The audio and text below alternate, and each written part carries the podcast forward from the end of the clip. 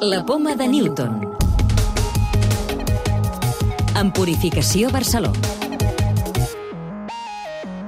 Prendre antibiòtics les setmanes prèvies a rebre una vacuna n'afecta l'efectivitat. És la recerca de la qual us parlarem en el programa d'avui, on també ens fixarem en un projecte per intentar detectar el càncer de pulmó en la sang i en les dades moleculars més antigues de la nostra evolució. El microbioma, és a dir, els microorganismes del nostre cos, pot incidir en l'aparició i l'evolució de moltes malalties, com ara el càncer, l'esclerosi múltiple o la sida, i també afecta el nostre sistema immune. De fet, eliminar bacteris amb antibiòtics pot alterar la reacció a les vacunes i també la resposta als tractaments contra el càncer.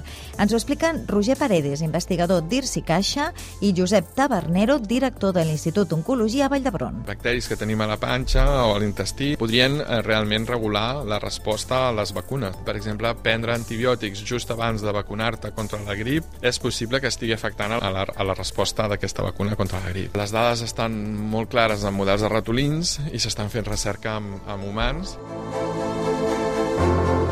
Si donem tractaments d'immunoteràpia que són molt bons i molt efectius, però si els malalts han pres antibiòtics els dies abans, com que els hi ha canviat el microbioma, l'efecte és molt menor. Seria el mateix que les vacunes tindre un microbioma no apropiat pot facilitar que apareixin tumors i que aquests tumors progressin, però també, depenent de quin microbioma tenim, l'eficàcia dels tractaments que donem pot ser més gran o més petita.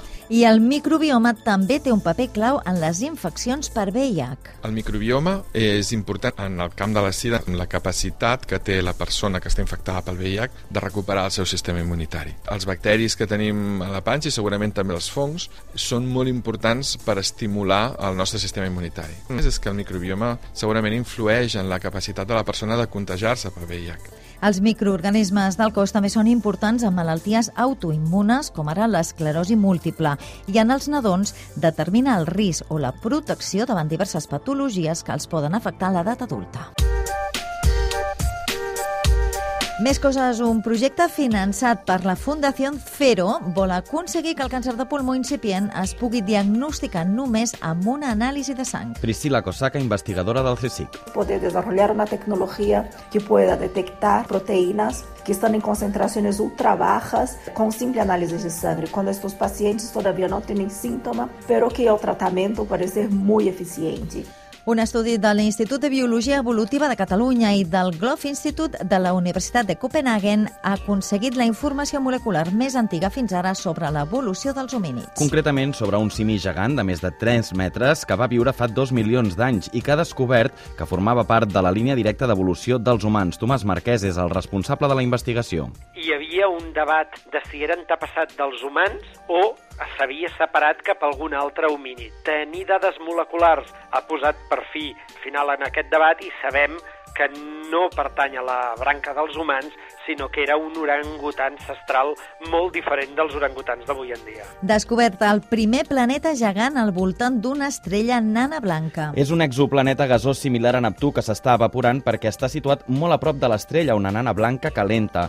El descobriment s'ha fet amb l'instrument de l'Observatori Europeu del Sud, ESO, i ens dona pistes sobre com podria ser el nostre propi sistema solar en un futur llunyà. Les arrels de les plantes silvestres s'agreguen compostos que podrien evitar l'ús de pesticides i fertilitzants fertilitzants en els conreus. És el resultat d'un treball d'investigadors del CSIC i CREAF. Han descobert que les plantes silvestres són més resistents a les plagues perquè s'agreguen substàncies a les arrels que els ajuden a captar més nutrients i a defensar-se dels bacteris i els fongs de la terra. Aquests científics proposen utilitzar tècniques genètiques per traspassar aquestes propietats als nostres conreus agrícoles i evitar així l'impacte ecològic de pesticides i fertilitzants. La clau de volta. Què podem veure gràcies a un sincrotró? Caterina Viscari, directora del sincrotró ALBA. Los haces que obtenemos a través del sincrotrón son mucho más focalizados, potentes y por lo tanto nos, nos permiten ver características de la materia, desde células, materiales magnéticos, que no se puede ver instrumentos que hay en laboratorios más pequeños. Por lo tanto, es, es un instrumento público dedicado a la ciencia pública y también a la industria que está al servicio de la sociedad. Recordeu que ja podeu descarregar-vos el podcast de la Poma de Newton o subscriure-us al programa per rebre'l directament als vostres dispositius.